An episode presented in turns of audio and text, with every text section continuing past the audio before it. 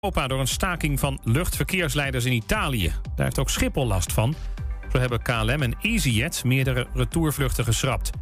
De stakingen hebben met meerdere dingen te maken... maar door de bank genomen wil het personeel meer loon en betere verlofregelingen.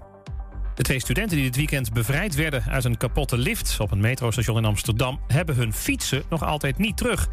Er moet nog steeds een monteur komen om die eruit te halen. Het GVB noemt het de slechtste escape room van de stad... en geeft de jongens daarom een kaartje voor een escape room die wel leuk is. Het weer nog van Weer Online. Het regent, later vanuit het zuidwesten weer droog. Er komt ook de zon erbij, 17 tot 20 graden. En tot zover het ANP-nieuws. Vanavond om 6 uur weer een nieuwe aflevering van Ondernemerscafé Memphis. Het radiocafé voor ondernemers in Twente.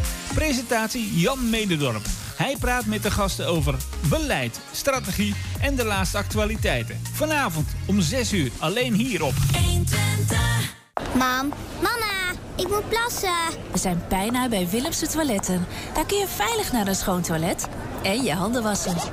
Willemsen Toiletten. Het openbaar toilet in de binnenstad van Enschede. Voor een hygiënisch en plezierig bezoek vindt u in de klanderij. Lever na uw toiletbezoek de waardebon in bij een van de deelnemende winkeliers. Scan de QR-code of kijk op willemsentoiletten.nl.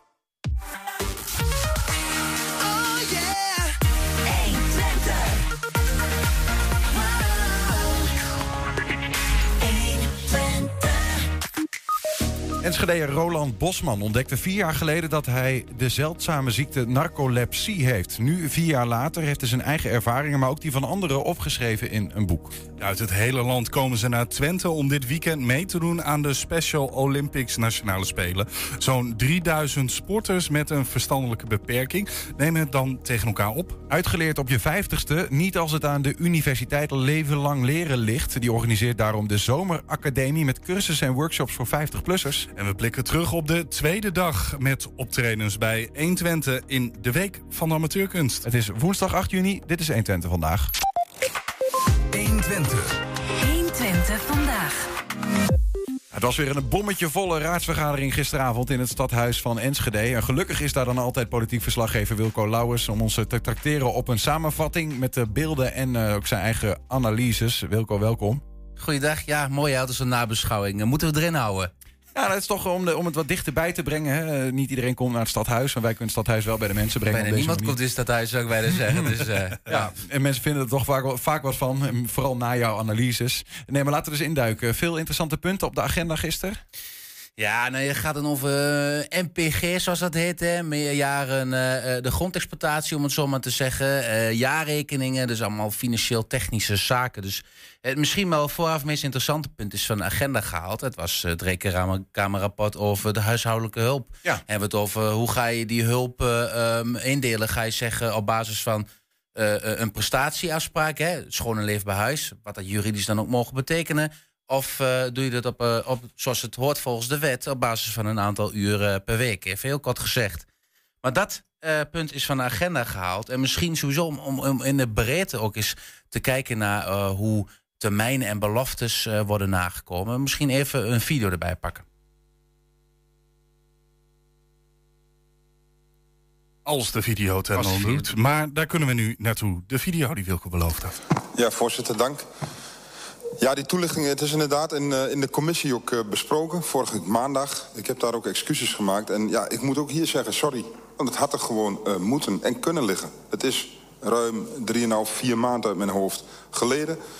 ik heb daar vorige week ook van gezegd... verkiezingen, campagne, onderhandelingen, et cetera. Maar daar heeft uw raad, en begrijp ik ook, geen boodschap aan. Dus ik snap dat de wethouder heel druk is geweest... tussen de stedelijke commissie en nu. Ik wil hem wel even meegeven dat elke keer als u sorry zegt en u komt vervolgens opnieuw een toezegging niet na... dat die woorden steeds minder gaan betekenen. Dus ik wil een oproep doen aan de nieuwe wethouders... om ook gewoon hun werk te doen. Ja, uh, ik vraag me in alle openheid af of we ook nog een ander ding moeten agenderen. En dat gaat over informatievoorziening. Uh, vorige week stond mijn collega de heer Heutink hier met vragen uh, waarom artikel 35 vragen niet op tijd beantwoord werden. Soms weken te laat. Vandaag ben ik ook aan de beurt, want mijn vragen hadden ook beantwoord moeten worden. Zijn dat niet? ik heb er met veel inwoners over gesproken die erg benieuwd zijn naar de reactie van het college. Dus mijn vraag is, moeten we dat hier agenderen of kan het college een toezegging doen wanneer die antwoorden komen en of er beterschap in de toekomst komt. U krijgt daarop antwoord. Ik zie nu niet iemand daar... Uh... Ja, hobbykamerwoningen. Wordt nagevraagd, u krijgt antwoord morgen. Oké, okay. ja? morgen. Oké, okay, dankjewel. Ja, je moet nog heel even helpen, Wilco. Wat wordt hier nou dan precies uitgesteld door de wethouder? Nou, we zien eerst de wethouder. Uh, het gaat over het rekenkamerrapport. Normaal is het ge gebruikelijk dat de rekenkamer onafhankelijke commissie die onderzoek doet naar uh, in dit geval de, hoe de huishoudelijke hulp werkt in Enschede. Dat het college, dus de wethouder, hè, namens het college, een reactie daarop geven, wat zij daarvan vinden. En wat ze met de aanbevelingen doen. Gaan ze dingen veranderen? Nou, dat rapport is al uh, vier maanden. En uh, die reactie uh, van het college moet nog komen. Mm -hmm. En dan verwijst de wethouder naar dat er zo'n drukke periode is geweest met de verkiezingen, campagne voeren. Ja, zou je kunnen zeggen, je bent wethouder. Hè? Je moet ook gewoon je bestuurlijke werk doen. Die campagne moet je dan aan, jou, aan jouw partijleden overlaten. En na de uh, verkiezingen is natuurlijk de onderhandelingsperiode. Die zit elke dag uh, in overleg. En ik, ja, ik heb me wel laten vertellen, dat is ook ontzettend druk.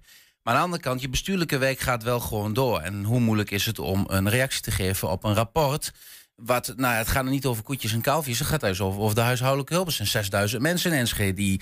Uh, belangrijk punt. Het is een heel ja, belangrijk punt. En, en hetzelfde zie je daarna. Hè, dat is Masha Baas van D66 die aankaart dat haar schriftelijke, uh, schriftelijke vragen nog niet beantwoord zijn binnen de drie weken termijn. Nou, dat kan gebeuren, maar dan is het normaal gesproken uh, dat het college zegt: ja, we kunnen je vragen niet in drie weken beantwoorden. Hè? Dus we hebben drie weken extra nodig, bijvoorbeeld. Maar ook zo'n bericht komt er niet. En dat is niet voor het eerst. Ja. Heer De Heuting van de PVV. Je weet eigenlijk niet hoe lang je nog moet wachten op uh, iets. Nee, precies. En ik zag aan de reactie van de wethouder dat hij dat die van die vragen eigenlijk helemaal leek die helemaal geen weet te hebben. En dat is toch wel raar omdat uh, het lijken kleine dingen dat je zegt, nou ja, een paar schriftelijke vragen. Maar dit is uh, de essentie van het lokaal bestuur. Ja, als jij je controlerende taak als raadslid wil kunnen uitvoeren, dan moet je wel uh, um, beloftes, dan moet het college wel beloftes nakomen, moet wel van jou verantwoorden voorzien. Is dat, dat ook de reden dat bijvoorbeeld zo'n punt, wat er zou gisteren gestemd worden, hè? Gaan we willen we als raad dat we gaan rekenen in uren of in een ehm, niet zozeer, maar het zou uh, uh, naar aanleiding van het rekenkamerrapport is het, ligt het voor de hand dat de partijen zeggen van hier moeten we wat meer laten een motie indienen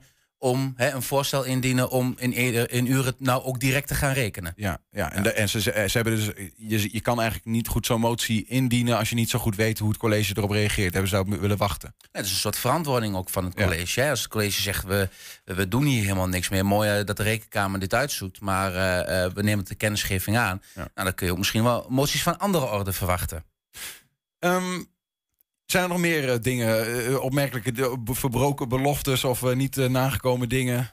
Ja, misschien nog wel een grappig moment. Ehm, de wethouder Jeroen Diepemaat, die zijn eigen, nou ja, we hadden het net over grondexploitatie ter, in de stemming brengt. En dat is zijn eigen voorstel hè, als wethouder, hij stelt het voor. En dan wordt er gestemd. laten we kijken. Eerst het MPG. Ik stel u voor het MPG vast te stellen uh, en daarmee een nieuw financieel kader voor alle projecten met elkaar vast te stellen. Dan constateer ik dat toch zijn eigen verrassing... dat de heer Diepemaat uh, tegen zijn eigen voorstel stemt... en ook mevrouw Workel op het verkeerde been heeft gesteld... Ja, voorzitter, ik denk dat toch dit voor het eerst is dat de wethouder dan tegen zijn eigen voorstel stemt. Maar ik had misschien nog een stemverklaring moeten doen.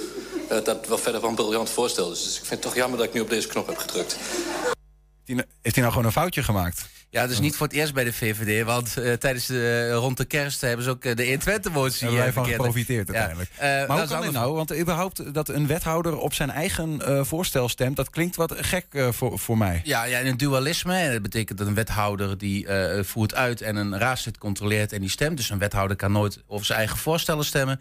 Is dat niet gebruikelijk. Maar de verkiezingen zijn geweest. Dus sindsdien heeft het college een, zoals dat heet, demissionaire status. Mm -hmm. uh, dat betekent dat ze niet uh, actieve functie. Ze handelen de lopende zaken af. En dan kan het zijn, totdat een nieuwe wethouder wordt bedoemd, benoemd... wat toevallig waarschijnlijk ook gewoon Jeroen Diepemaat zal zijn...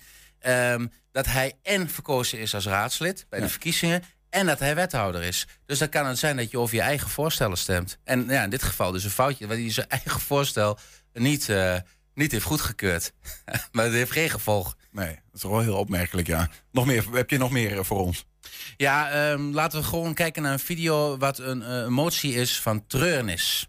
Dan sta je hier met een motie en de raad weet wat er komt, een motie van treurnis. En dat voelt niet lekker. En eh, voor de mensen die het gezien hebben, collega Schouten heeft een struisvogel daar staan op de bank.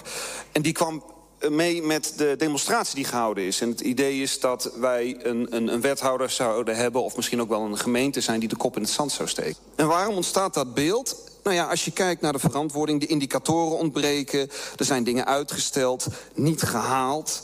U had ook eh, eh, een video op uw website kunnen plaatsen dat u dit belangrijk vindt. Maar u komt hier dan met, met een motie van we vinden het allemaal diep triest. Een knuffel erbij. Het is hier toch geen theater? Is dan een motie van treurnis die u nu indient? Eigenlijk niet een, slap aftreksel van een motie van wantrouwen... die u dan eigenlijk had moeten indienen? Rake woorden van, eh, van de heer eh, Peter Zweem, eh, ook in de motie. Ehm, eh, tegelijk merk ik hier dat er in het geval van de heer Jajan... het over de vorm gaat en niet over de inhoud. En dat vind ik jammer. Dus ik zou de heer Jajan dan ook willen vragen... bent u wel tevreden met de resultaten op het gebied van duurzaamheid... in de afgelopen vier jaar? Dat geeft enig inzicht in wat we de komende vier jaar kunnen verwachten. En de indieners van deze motie eh, trek ik mij in die zin niets van aan. En waarom niet, voorzitter? Want het vraagt om een toelichting. Omdat de feiten compleet anders liggen. U doet mij zwaar tekort. Ik kijk u recht in de ogen aan. Zwaar tekort. Want, meneer Peter Zweem, ik zit in de stuurgroep van de rest. Want het is niet niet willen. Maar het is heel veel ook eh, niet kunnen. Dan breng ik de motie van treurnis in stemming. De motie is verworpen. Dan komen we bij... Het... Ja, de motie van treurnis van Bad Peter Zweem... omdat de, de duurzaamheidsdoelstellingen niet zijn nagekomen de afgelopen vier jaar. Daar, daar is hij eh, treurig over. Dat bete- betekent dat het? Eh, Wat, wat, wat moeten we met een motie van treurnis? Ja, het- ik vind het eerlijk gezegd altijd een beetje symboolpolitiek. Je spreekt je teleurstelling uit en dat kun je ook gewoon eh, in een raadsvergadering zeggen, denk ik dan. Dat is wat de Malkis Jajan van de VVD ook een beetje zei. Ja. Van, dan moet je dat op zo'n Ja. manier doen. Het zijn officiële moties in de Tweede Kamer, worden ze ook zo nu en dan wel eens uitgedeeld. En in de gemeenteraad komt die elke vier jaar nog wel eens een keer voorbij. Het wordt bijna nooit aangenomen, omdat nou ja, coalitiepartijen hun eigen wethouder ook niet op zo'n manier eh, niet afvallen. En treurnis, je hebt een drietrapsraket. Je hebt een motie van treurnis, daar ben je teleurgesteld. Motie van afkeuring is iets zwaarder. Dan, dan erken je eigenlijk dat de wethouder misschien wel bewust niet genoeg heeft, eh, zich zelf heeft ingespannen voor de, voor de zaak. Ja, en dan heb je nog de motie van wantrouwen. En dan vind je dat de wethouder zodanig is, in gebreken is Dat hij het gebleven... veld moet ruimen. Dat hij het veld moet ruimen. Ja, ja. en treurnis is dus eigenlijk niet zeggen. Het heeft ook in die zin eh, geen gevolgen. Ja, behalve dat Niels van den Berg een beetje eh, ja, op zijn tenen is getrapt. Maar goed, even los van, want dat zegt natuurlijk, hoorden we Tillema van D66 zeggen. Van, hè, eh, los van het symbool waar je wel of niet achter kunt staan, en moet je dat dan ook gebruiken? Eh, zegt hij van hoe reageer je op de inhoud aan eh Malkis Jajan van de VVD? Eh, eh, wat vind jij als politiek verslaggever? Heeft eh, Bart Peter Zweem hier een punt? Is er iets eh, niet goed gegaan met dat dossier de Nou afgelopen ja, vier ze, ze hebben eigenlijk beide de wethouders zeggen we kunnen niet, hè, we kunnen niet aansluiten. Daar zijn ook wel verschillende meningen over, maar het is moeilijk om, om, om die doelstellingen te halen. Maar eh, eerlijk gezegd, ja, Bart Peter Zweem heeft hier gewoon een punt. Hè, je moet eh, het college afrekenen op wat ze hebben gedaan. En dan komen er allerlei excuses dat het niet kon. Ehm, nou ja, ik wil graag terugrefereren naar het coalitieakkoord. Daarin hebben ze afgesproken, het vorige coalitieakkoord, om het aantal duurzame energieaandeel eh, te verdubbelen van 8% naar 16%. Nou, eh, een paar maanden na de verkiezingen, en hoef je echt geen raketgeleerde voor te zijn, heb ik al in een podcast nota bene met 120 en destijds, heb ik al gezegd dat die doelstelling compleet onhaalbaar is. Dat kon je op de achterkant van een bierveeltje uitrekenen. Ehm, dat hadden de onderhandelaars destijds ook kunnen doen. Omdat het gewoon heel lastig is. Omdat je A, geen netwerkcapaciteit hebt in de stad. B, eh, Sima is een paar windmolens, als je dat al wil, er doorheen te krijgen. En Burgerbelangen wil het helemaal niet. Ze, hadden die belofte uit. nooit moeten doen. Op die Dat is het eigenlijk. En als je die belofte wel doet, moet je hem ook nakomen, toch? Ja.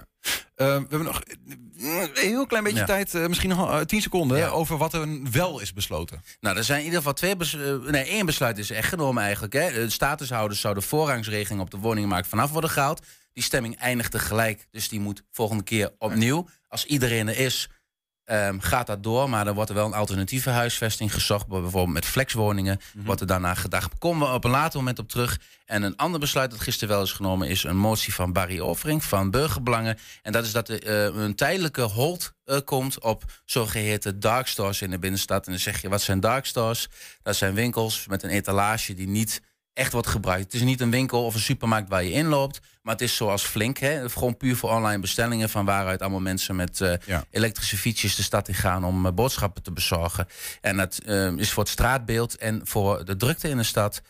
met al die fietsen, is dat niet ideaal. En daar wil, nou, wil de gemeenteraad toch een paal en perk aan stellen. Voorlopig in ieder geval. Dankjewel, Wilco. Ja, Roland Bosman kwam er vier jaar geleden achter dat hij lijdt aan een zeldzame ziekte, narcolepsie.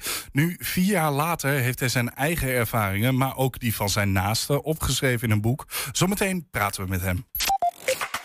120. 120 vandaag. Ja, Sinterklaas komt vroeg dit jaar op de basisschool Bothoven. De kinderen van groep 3 zaaien wortels in de tuin, speciaal voor O Zo Snel, het paard van Sinterklaas.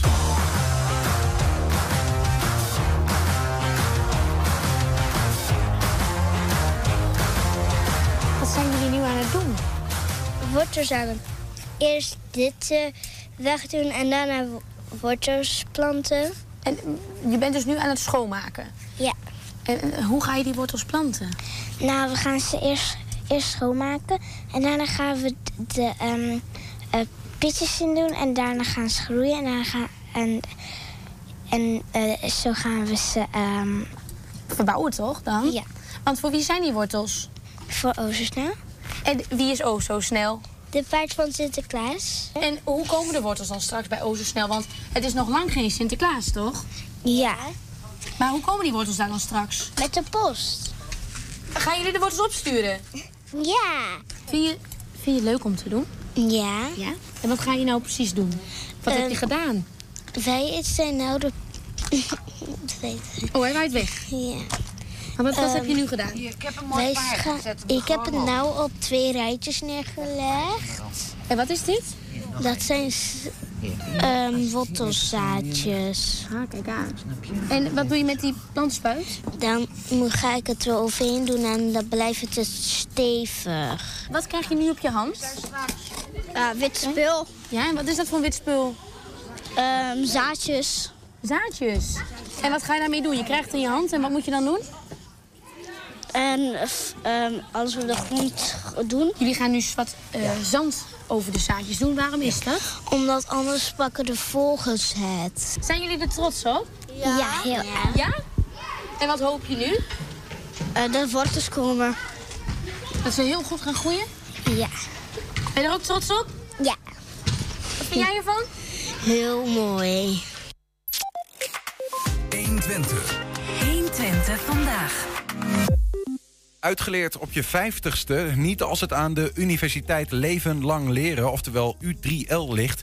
U3L organiseert daarom eh, de Zomeracademie met cursussen en workshops voor 50-plussers. Ook in Hengelo worden die eh, zomercursussen gegeven. We praten daarover met Tine Zevenhuizen van U3L. Tine, goedemiddag.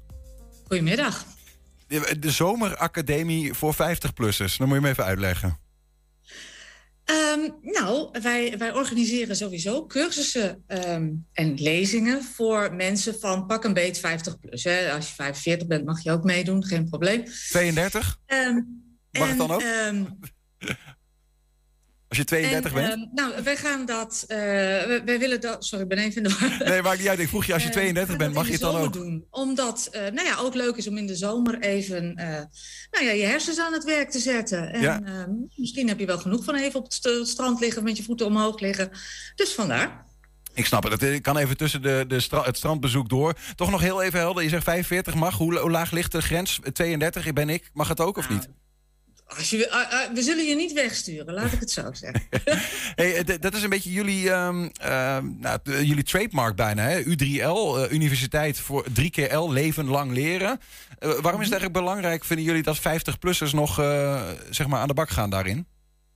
Nou ja, eh, eh, ik denk dat dat een hele tendens is in de maatschappij. Dat als je wat ouder bent, dat je dan niet meer, ehm, nou ja, niet meer achter de geraniums gaat zitten zoals vroeger. Hè? Vroeger was het zo, als je gepensioneerd was, nou, dan was je eigenlijk een beetje uitgeschakeld. Maar je ziet ook gewoon aan mensen dat ze actief blijven, dat ze midden in het leven blijven staan.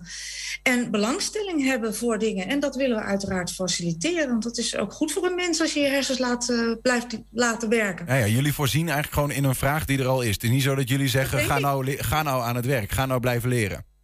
Ja, nee, het- blijkt ook dat daar belangstelling voor is. En, en dat mensen dat leuk vinden en enthousiast daarvan worden. Is dat iets te maken ook met een, eh, bijvoorbeeld een ver- verhoogde pensioenleeftijd? Eh, dat mensen wat langer eh, aan het werk blijven? Of, of is dat... ja, zoek je wel eens naar de oorzaak hoe dat kan? Dat mensen be- belangstelling houden, ja. Ja, ehm, ja, misschien... Nou ja, de noodzaak is inderdaad dat veel mensen langer moeten blijven eh, werken. En sommige mensen bouwen hun werkzaamheden af. Hè. Die zijn, gaan al, al wat eerder iets minder werken. Maar ja, god, werk is niet alles. Hè. Je hebt daarnaast ook je interesses. En eh, ja, van het echte eh, een opleiding volgen, ja, dat, dat doe je meestal voor je werk. Dat doe je doorgaans. Niet altijd voor, eh, nou ja, het, het, eh, hè, eh, eh, voor je plezier. Ja. En dit kan dat wel. En dat, er zit ook, hangt ook geen diploma aan vast. Daar gaat het helemaal niet om. Het gaat erom dat je, nou ja, iets leuks eh, ziet wat je interesseert. En dat kan van allerlei thema's zijn. We, we zijn actief eh, mens en maatschappij, filosofie en religie, kunst en cultuur, geschiedenis. Nou, waar ook je belangstelling ligt. Zie je daar een rode draad in? Is er, is er een vakgebied aan te wijzen waar ehm, mensen van zekere leeftijd eh, wat meer interesse in hebben? Ik, ik, nou ja, het- het is heel divers. En er zijn heel veel, ja, eigenlijk alles. Hè, als het maar leuk gebracht wordt. En daar zoeken wij ook mensen bij die ja, dat op een hele enthousiaste, leuke manier kunnen vertellen. En hè, die, moet natuurlijk geen droge stof zijn, dan, dan haken mensen af. Dus we zoeken daar ook echt mensen bij die dat kunnen. Hè, we hebben een programma adviescommissie. Ehm, in, in Twente hebben we er eentje en in Zwolle en omstreken eentje. En die zoeken ook mensen die, die bezoeken zelf ook lezingen, eh, zoeken in hun kennissenkring, zoeken mensen die dat. Dat goed kunnen. Maar Wat, wat is daarin eigenlijk belangrijk als je 50-plussers of 45-plussers, zo je wil, eh, lesgeeft? Want ja, ik bedoel, de elastic- elasticiteit van de hersenen neemt natuurlijk wel een beetje af op leeftijd. Dus ik, dat gaat op een gegeven moment gewoon niet meer in, denk ik, hè? Bij die on. Dan kun je je afvragen. Oh. Ik behoor zelf ook tot de doelgroep. ik vind dat er nog best wel wat in kan. Hoor. Toch wel, ja? En volgens mij zijn er meer mensen hoor. En dat kan tot op hoge leeftijd prima. Ja, maar zit er een, is er een, eh, eh, serieus bedoeld hoor, maar zit er een, an- zit er een andere manier in eh, van lesgeven aan, zeg maar, jongeren op de middelbare school dan dat je aan ouderen geeft? Of werkt dat eigenlijk hetzelfde? Nou, het doel is anders. Eh, hè, het, eh, op, een, op een middelbare school of op een hoger onderwijs of universiteit is het de bedoeling dat je daar eh, iets mee gaat doen in je beroepsmatige leven. Hè. Daar streef je toch naar. Ehm, en dat is, dat is dit niet. Hè. Dat zijn nadrukkelijk ook thema's die niet per se tot ieders vakgebied behoren. Hè. Misschien heb je ooit wel, eh, weet ik veel, wiskundeles gegeven... maar ben je heel erg geïnteresseerd in geschiedenis. Hè. Dan kun je dat gaan doen. En als het thema je aanspreekt, ja, dan kun je bij ons terecht. Ja. Eh, eh, In Hengelo, eh, ook in Enschede zag ik trouwens, eh, geven jullie cursussen en workshops. Eh, Dat is echt fysiek. Dat is dus, je, eh, je kunt ergens terecht. Ja, dat is, dat is wel het streven. Maar U3L is op dit moment wel bezig met kijken of we ook een soort. ehm, hè, dat er ook misschien wel iets online kan plaatsvinden. Hè. Stel dat er weer een lockdown komt, kun je dat dan overnemen? Hoe kun je dat inzetten Ja. op een goede manier? Maar de ervaring leert wel dat veel mensen het leuk vinden om ergens naartoe te gaan. Want ze doen dat hè, niet alleen maar voor hun beroep eh, of, of omdat het moet. Maar ze doen dat omdat ze het leuk vinden. En Sociale contacten. Het leuk vinden is ook dat je bij elkaar komt en dat je mensen van. Eh, dat je gelijkgestemden Ja. ontmoet. Ja. En gezellig met elkaar een kopje koffie drinkt. En we hebben korte eh, lezingen, hè, die duren eh, doorgaans zo'n twee uur. we hebben ook studiedagen, we hebben wat, wat langere series en dan leer je elkaar iets beter kennen. Dus nou ja, dat, daar kun je uit kiezen. Deze zomer gaat het gebeuren. Wanneer begint het de eerste, als we er zeg maar de, de vroeg bij willen zijn, wanneer beginnen de eerste cursussen? Uh, nou, de allereerste voor deze zomer, voor de Zomeracademie, begint op 28 juni in Hengelo. Um, en daar uh, in Museum Hengelo. En uh, daar gaat het over Het kan nog erger, de zwarte dood. Okay. dat refereert uiteraard aan de, aan de, aan de corona-epidemie. Ja. Maar ja, als je denkt aan de pestepidemie in de middeleeuwen, nou, dat was nog een slagje erger. Um, verder hebben wij in, uh, een, een, hele studiedag van Corrie Havenkort. En zij is filosofe. En zij heeft een hele zomerse studiedag. Um, uh, ook in Hengelo, erkenning en identiteit. Ja, daar gaat het over. Uh, we hebben een kunstlezing van Lisette Leblanc, De Wereld van Maurits Escher. Wat overigens ook een... Hè, die hebt ook een Escher Museum, dat is in Den Haag. Mhm. Mm -hmm. Nou, dat is superleuk om als een soort inleiding daarvoor, voor zo'n bezoek wat je zelf doet, om daar naar die lezing te gaan, dan weet je er gewoon alles van. Als je Kortom, v- van Maar- alles wat. Eh, Begrijp ik wel. Alles wat. Eh, als we dat nou ja, en ook iets maatschappelijks over TBS bijvoorbeeld, of over kunst in Amerika, de meer de kunstkant. Als we dat eens rustig willen nalezen en willen kijken wanneer is het allemaal en eh nou ja, Quanta Costa en dat soort dingen, waar kunnen we dan terecht? Nou, we laten overal van dit soort foldertjes achter. Die liggen in bibliotheken op verschillende plekken. Eh, daar kun je op kijken. Maar als je echt de details wil weten, dan kijk op de website van U3L. Daar staat alles op. Eh, Dat is op er internet, oudere mensen. Internet is dat. Ja. Wat zeg je? Dat is op internet, zeg ik even tegen de mensen van 45 plus. Ja, maar die eh, mensen van 45 plus, die kunnen inmiddels heel goed hun weg vinden op internet, hoor, geloof me. Heel goed. Grapje hoor. Eh Tine Zevenhuizen, dankjewel en eh, veel plezier deze zomer. Oké, graag gedaan. Ja, straks hier een compilatie van de tweede dag van de Week van Amateurkunst bij 120. 120. 120 vandaag. Wat een eh, vreugdevol moment had moeten zijn, bleek voor hem het begin van een onzekere periode. Na zijn allereerste doelpunt voor zijn voetbalteam kwam Enschede Roland Bosman erachter dat hij lijdt aan de zeldzame ziekte narcolepsie.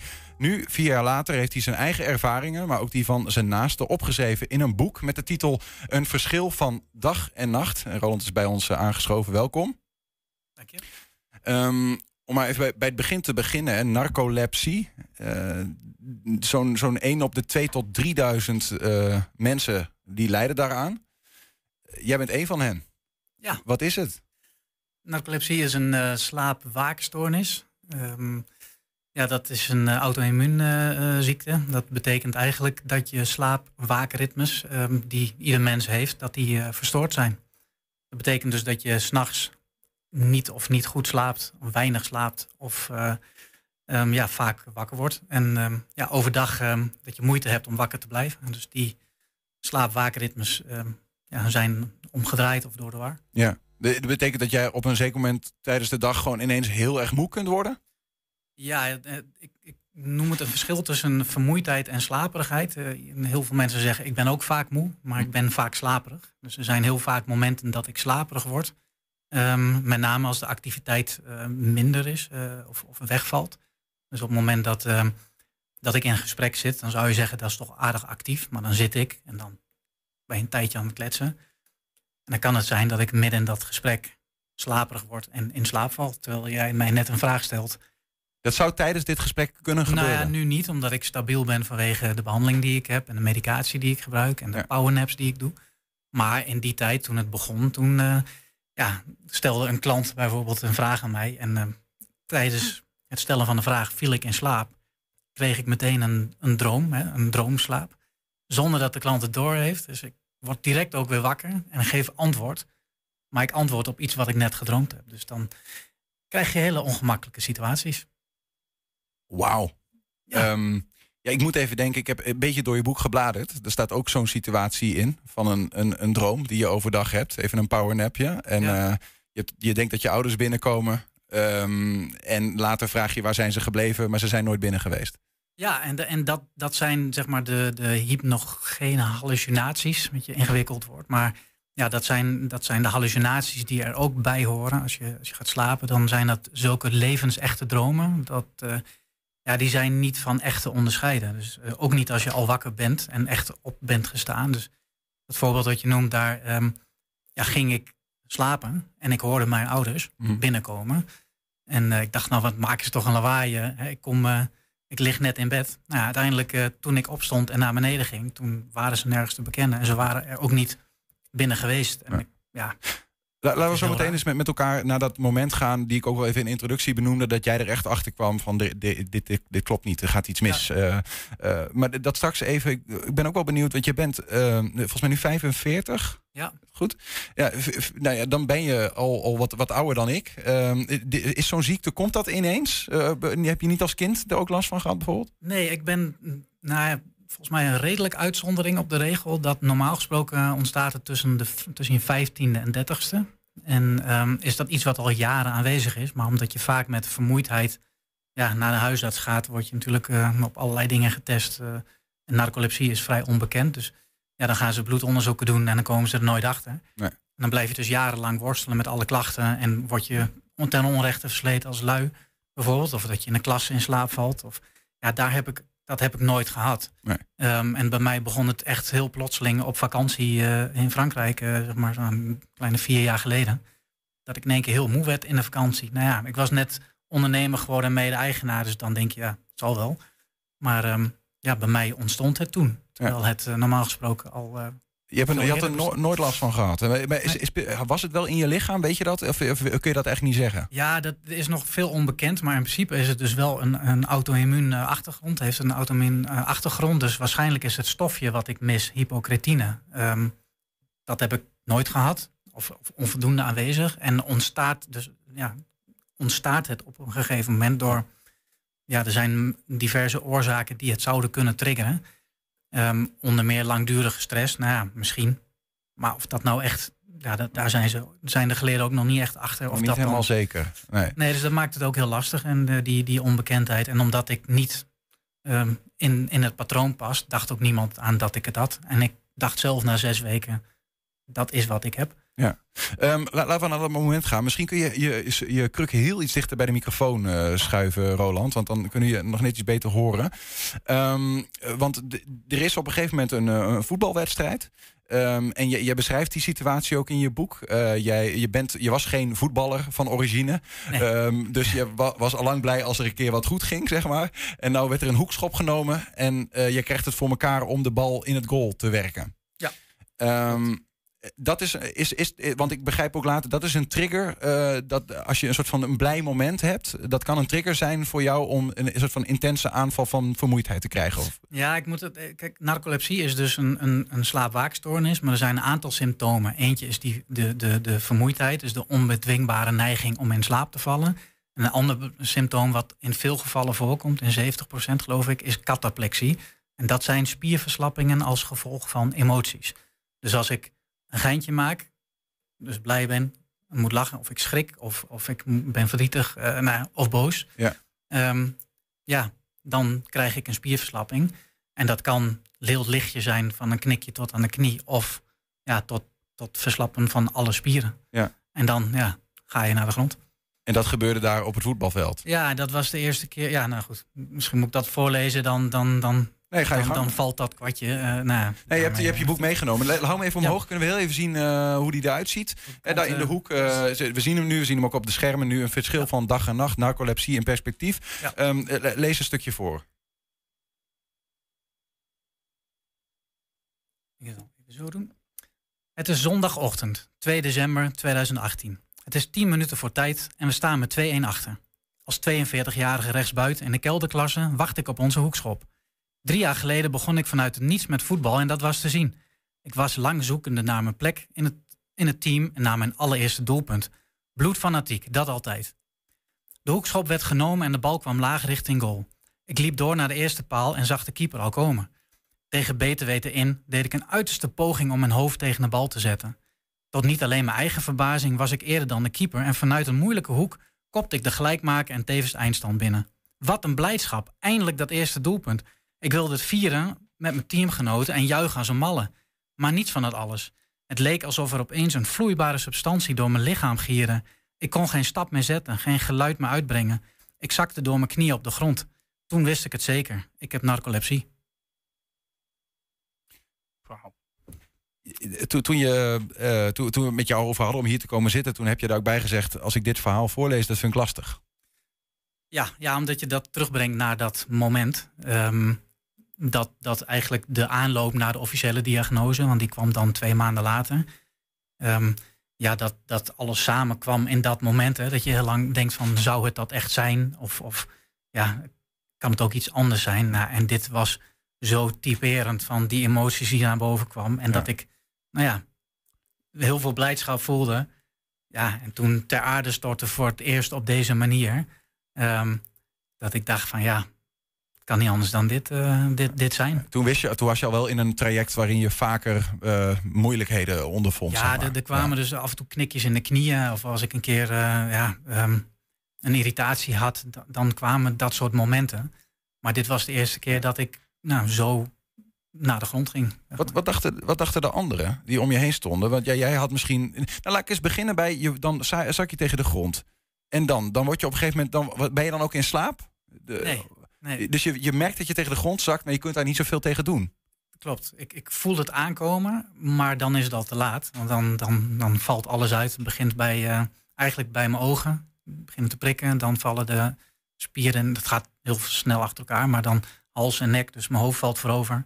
En dan, eh, nou, dan gaat het naar de benen. En dan, eh, dus ik, ja, het wordt ingezet en ik kan het niet houden. En dan val je zoals je valt. Dus En maar het, het lijkt een beetje als je dan gewoon daar ter aarde stort. Ja. Het beeld dat we kennen van Nouri bijvoorbeeld. nou, dat is ook het beeld wat je ziet. Dat lijkt me heel eng als omstander. Hoe wordt erop gereageerd? Nou ja, dat. ehm, nou, laat ik zeggen, de eerste keer dat ik eh, zo, eh, zo compleet vanuit het niks voor mijn eh, gezin viel, ja, dat is er al om paniek. Aan de andere kant had ik hun daar al van verteld hè, dat er dingen gebeuren. Maar mensen die het niet weten en niet kenden, ja, ja die schrokken zich natuurlijk eh, eh, helemaal wild. En, en de eerste keer dat ehm, dat gebeurde met het voetbal heel vaak. Op een of andere manier is dat, ja, voetbal is emotie, zeggen ze. Nou, dat klopt wel. Ja, dat blijkt nu. En Op een gegeven moment kwam er alleen nog maar een bal aan. Ik ging al naar de grond. Dus ja, dat uh, wordt voetballen ook niet zo leuk van. Maar um, op, op het moment dat er dan jongens bij kwamen die dat nog niet wisten. Ja, dan vertelde ik vooraf van jongens, ik heb iets. Het kan zijn dat ik in één keer naar de grond ga. Schrik niet. En dan sta je trouwens ook zo weer op. Ja, het duurt 10 seconden tot 15 seconden. En ik ben wakker. Dan ben je en verlamd. alles. Zeg maar, een soort van. Nee, ja, ja en nee. Ik, en verlamd in die zin dat ik wacht totdat de spierspanning weer terugkomt. Ja, en dat is heel gek om het mee te maken en ook heel verschrikkelijk natuurlijk. Maar ja, je voelt dan de spanning weer terugkomen. Nou, dan sta ik weer en dan zeg ik ja, ik sta vrij. Dus ja, binnen 15 seconden. En op een gegeven moment gebeurde dat op de training ook. Dat ze zagen, nou, daar ligt hij weer, even wachten. Nou, kom maar. Ja. Maar ik ben wakker. Ja, je bent bakken. Maar is- is het ook, ehm, ontstaat er ook een bepaalde mate van. eh, daar, de- inderdaad, daar, daar gaat hij weer. Da- dat het ook wel een beetje soms wat grappig wordt gevonden. Nou ja, dat is wel het lastige. Want ehm, het ziet er heel erg.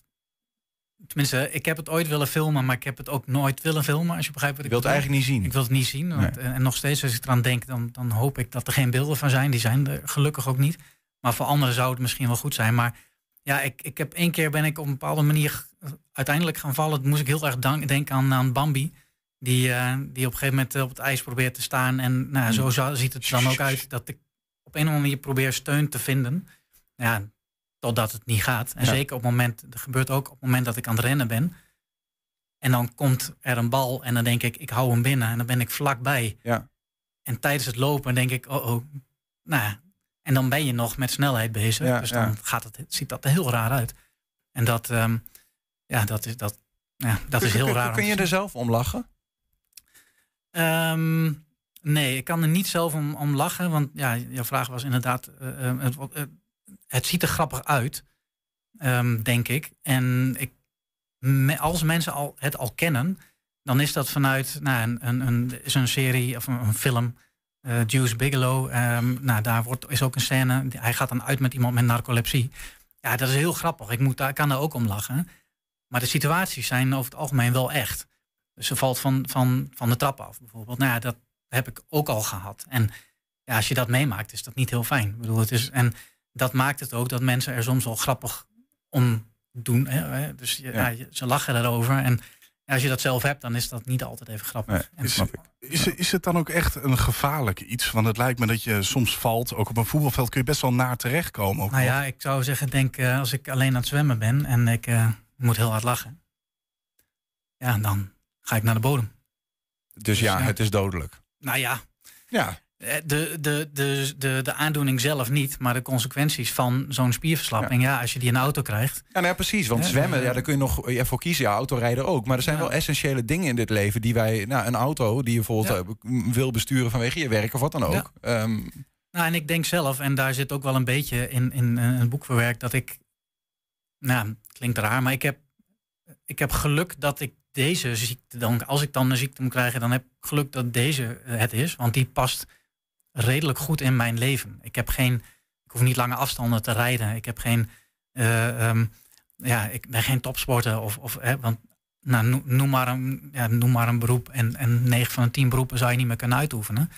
En dat geeft denk ik voor heel veel mensen heel veel nou, uitdagingen. Ja. En dan denk ik, ja, ik kan het inpassen. Ik ben zelf ondernemer, dus ik kan daar zelf ook keuzes in maken.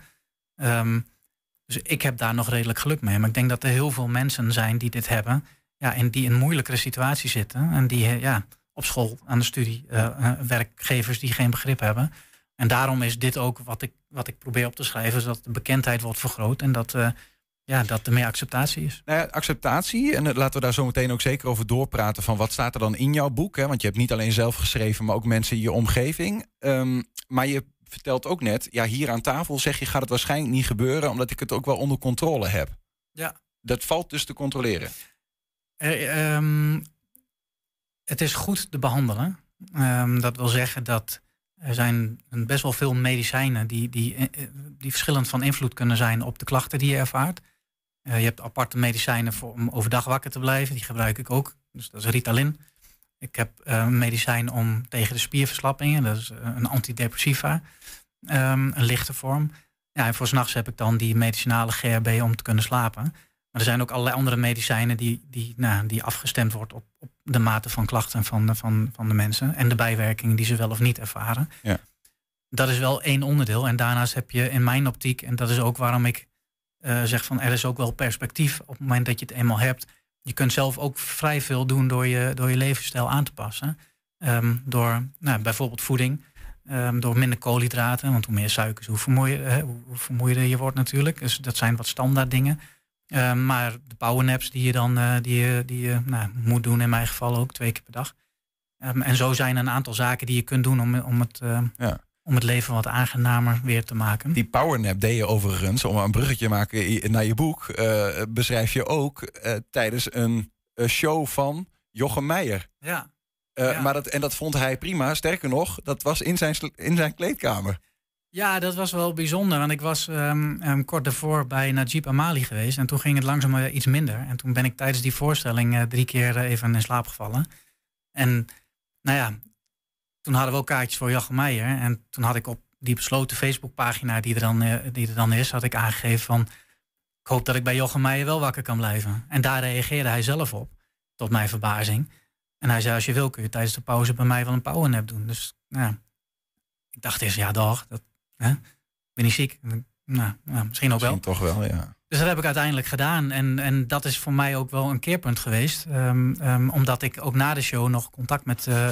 toen ben ik backstage ge- gekomen samen met mijn gezin. Was natuurlijk al heel mooi en bijzonder. Maar hij wees mij uiteindelijk naar het slaapwaakcentrum... of het slaapcentrum waar ik terecht ben gekomen. En op nou, medicijnen die hij ook met, met zijn dochter heeft. eh, Want zijn dochter heeft het ook. ja, ja, dat Wist is ook dat waarom. niet? Ja, dat wist ik. Ja. En, en daarom zat hij ook bij die Facebookpagina. Maar ik Oh, had ja. nooit gedacht dat hij zo. Ja, wie ben ik? Betrokken Eh, zou zijn, ja. Dat, hij dat, dat, hij zo zou, eh, dat hij dat zou doen. En, en toen da- dat was een jaar na de diagnose. En ehm, ja, toen dacht ik, eh, het moet niet, moet niet zo zijn dat iemand als ik ehm, van een Jochem Meijer afhankelijk ben om op de juiste plek terecht te komen. Dus vandaar dit, dit boek. Dat was de eh, aanleiding. wat je hebt geschreven, waar hij overigens ook heeft aan meegefinancierd via zijn eh, stichting Wakker worden, Wakker worden. Om het om Ja. heel erg Jochem Meijers ook eh, te spreken.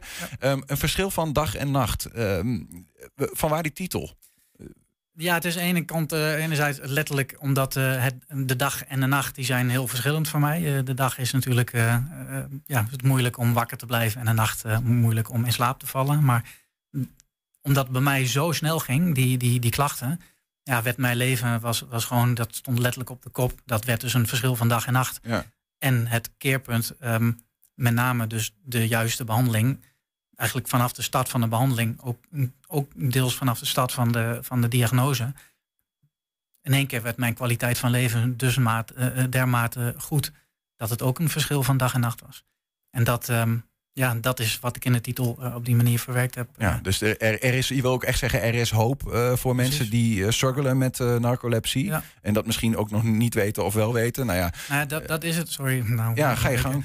Nou, kijk, dat, dat is het. Ik heb een jaar lang gezocht naar, naar betrouwbare informatie. En ehm, niet gevonden.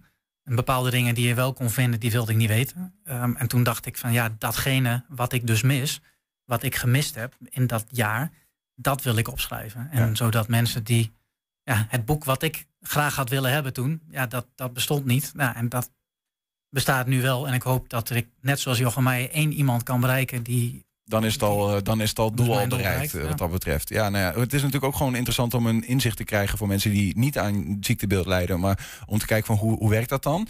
Um, maar ook voor omstanders, uh, want die, die beschrijf je ook. En dat heb je bewust gedaan, toch? Om ook dit, het beeld van bijvoorbeeld jouw uh, kinderen ja. of van je compagnon mee te nemen. Zeg maar, hoe hebben zij naar jouw ziektebeeld gekeken? Nou ja, dat, dat is het, omdat. Um verhalen, ervaringsverhalen zijn er altijd. Hè. Ook hiervan zijn er ervaringsverhalen, dus die staan er ook wel in. Alleen uh, mijn vrouw zei bijvoorbeeld van niemand weet hoe het is om te leven met iemand met narcolepsie. Um, en als ik kijk wat de impact was op mijn jongste zoon, want die gaf zichzelf de schuld. Omdat ik daar voor het eerst onderuit ging uh, in het gezin. Dus ja. hij dacht dat het aan hem lag.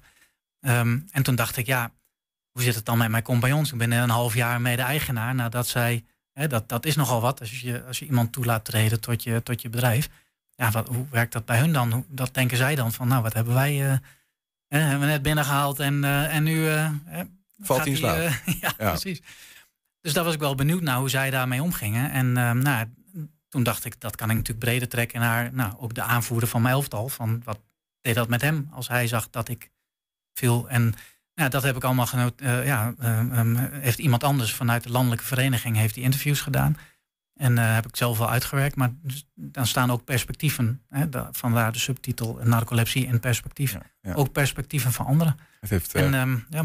Veel verschillende, veel verschillende ladingen. Er, er, sta, staan bijzonder veel perspectieven in van, van allerlei mensen. En ja. Uh, nou ja, ga het vooral lezen als je denkt van, uh, van ik ben benieuwd. Of als je zelf uh, aan een en ander last van hebt. Verschil van dag en nacht. waar kunnen we je boek krijgen? Um, hij, ligt, uh, hij ligt bij de drukker en binnenkort wordt die verzonden naar de mensen die het al hebben besteld. En dat kun je nu doen op uh, www.eenverschilvandagennacht.nl. En je eerste exemplaar, die heb je al uitgegeven of ga je die nog heb ik vanochtend uh, overhandigd Precies. aan iemand die reageerde naar aanleiding van een bericht wat, recent is, wat ik recent had geplaatst.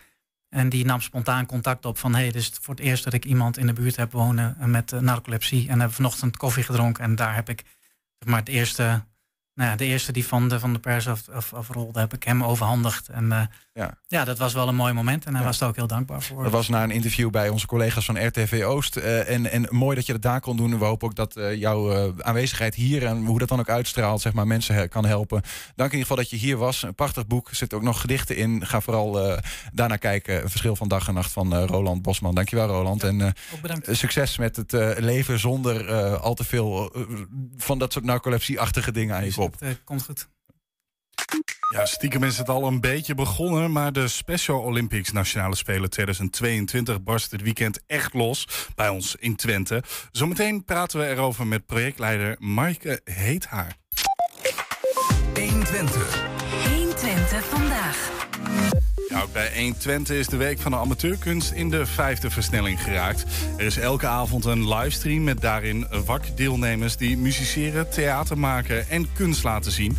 En omdat er ook steengoede amateurkunstenaars tussen zitten, kunnen we het niet laten om terug te blikken naar gisteren. De Wak in Enschede, dat wil zeggen een week lang amateurkunst.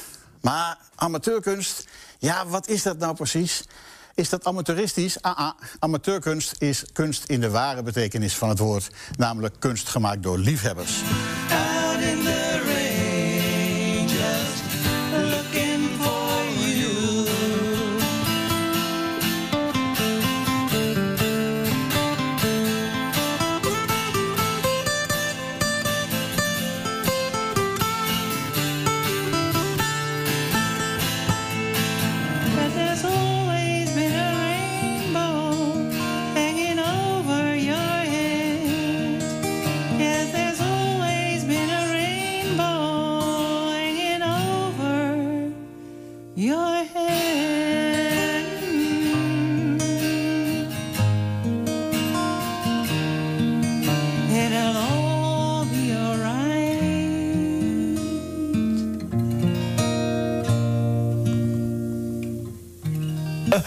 Als we gewoon een gigantische zandkerk bouwen? Plus 4. Ja, dat was verrassend makkelijk ook. Ja. Maar pap, wat nou als het vloed wordt? Plus 4. Ja. Nee! Waarom? Het was zo mooi. Het was zo mooi. Is het weg? Plus 1. Oké, papa gaat het nog een keer proberen. Nou, waar ben je? Oh, hey, een doos. Daar zou je wel niet in zitten. Ha, jongen, kom er gewoon uit. You fucking did it.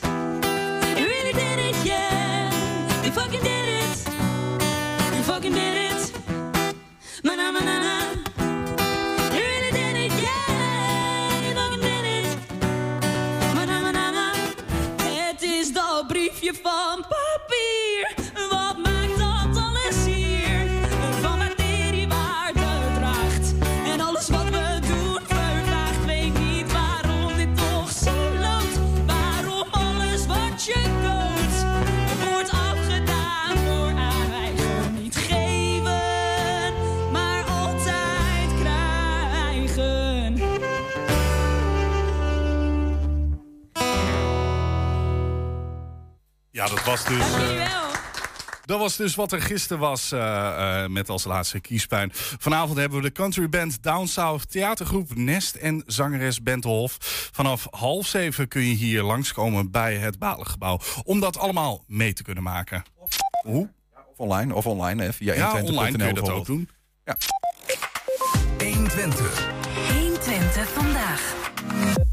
Uit het hele land komen ze naar Twente om dit weekend mee te doen aan de Special Olympics Nationale Spelen. Zo'n 3000 sporters met een verstandelijke beperking nemen het dan tegen elkaar op in eh, 25 verschillende sporttoernooien, verdeeld over alle 14 Twentse gemeenten.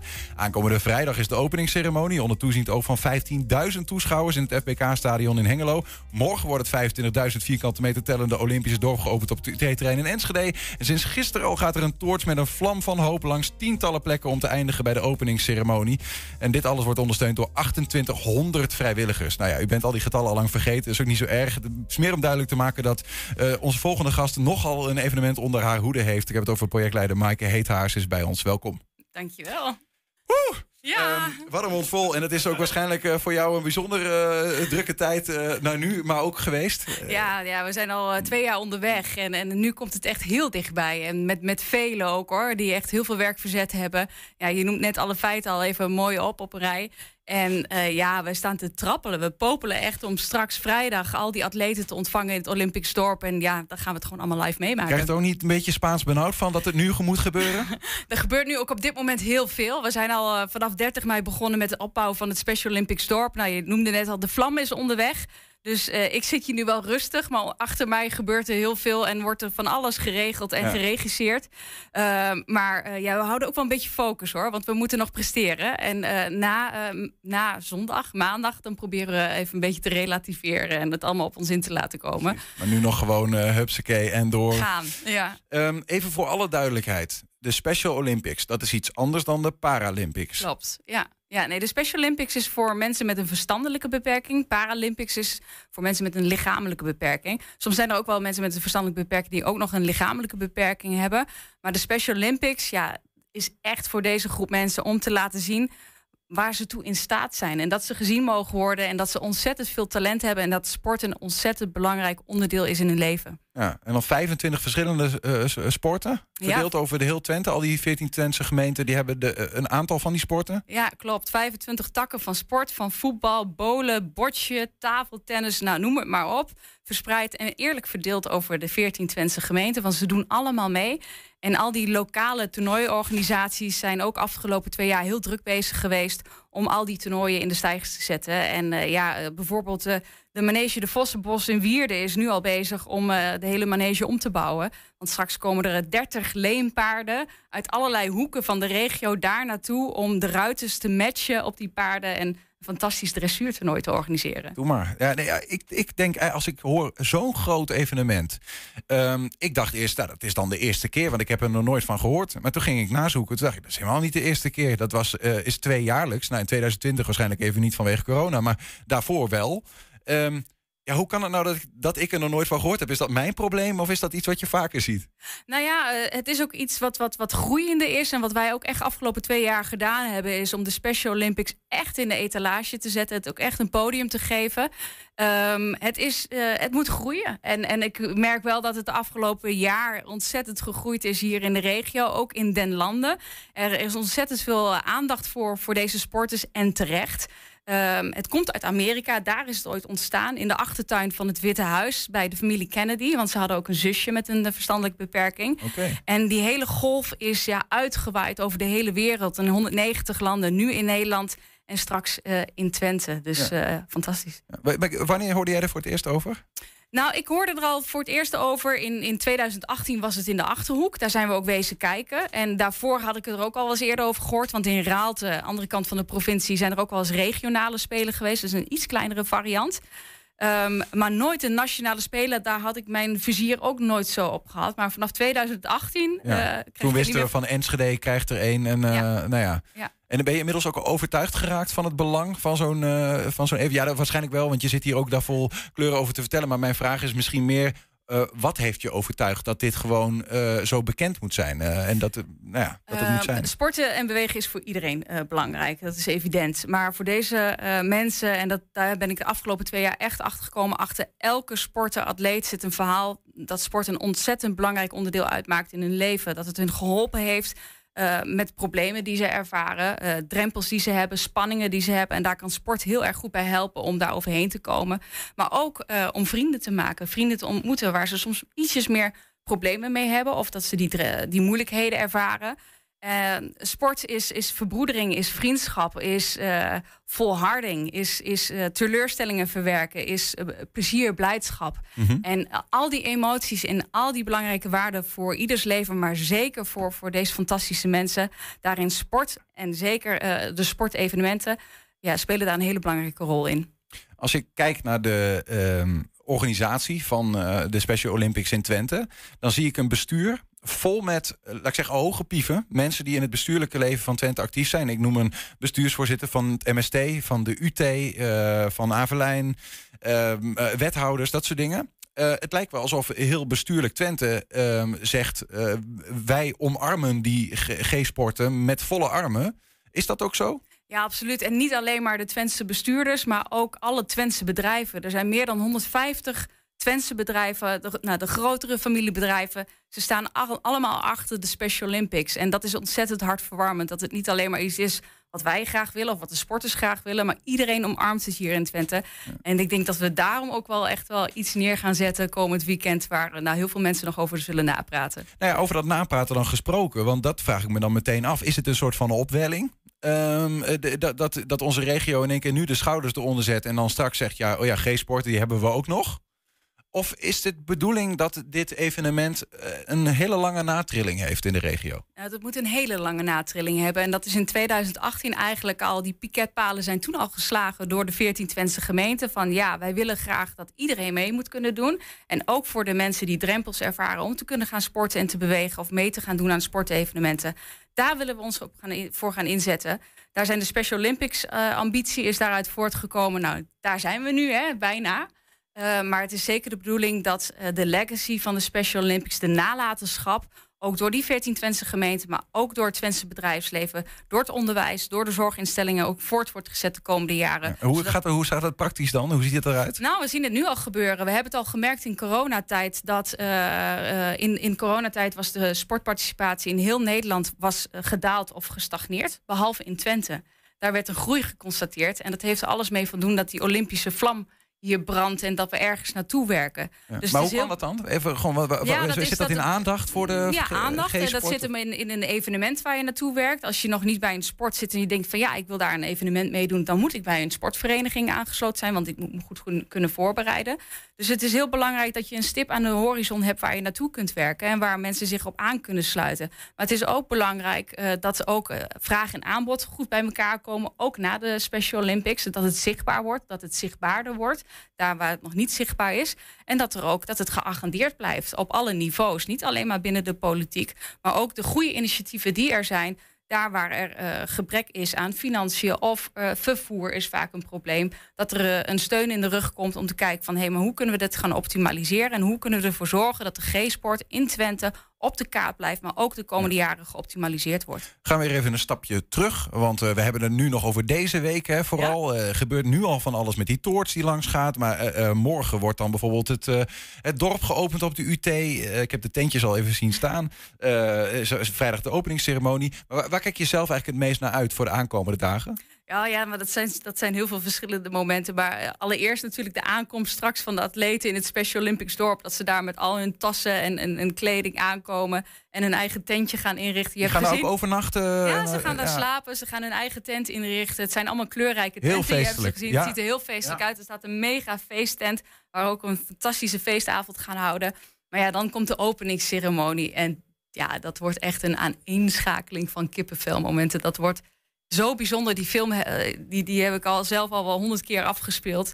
En uiteindelijk draait het natuurlijk allemaal om het sporten. Eh, de sporttoernooien, de wedstrijden. Vrijdag, zaterdag, zondag. Hè? Ja, ja, zaterdag en zondag zijn de sportwedstrijden. En dan eh, zondag is het medailleceremonie. Dus dan wordt het huldigen, huldigen, huldigen. En iedereen blij maken met een prachtige prijs. Maar er zit ook nog meer in dan een medaille, toch? Voor sommige winnaars. Ik heb begrepen dat je ook nog een ticket kunt winnen voor een internationaal toernooi. Nou, er zijn een aantal deelnemers die geselecteerd zijn voor de World Games. En eh, die zijn al bekend. Eh, want bij Special Olympics heb je ook een andere manier van selecteren voor de World Games. En die vinden in 2023 plaats in Berlijn. Ook de Berlijnse delegatie komt naar Twente toe om te kijken hoe, we, hoe wij het allemaal organiseren.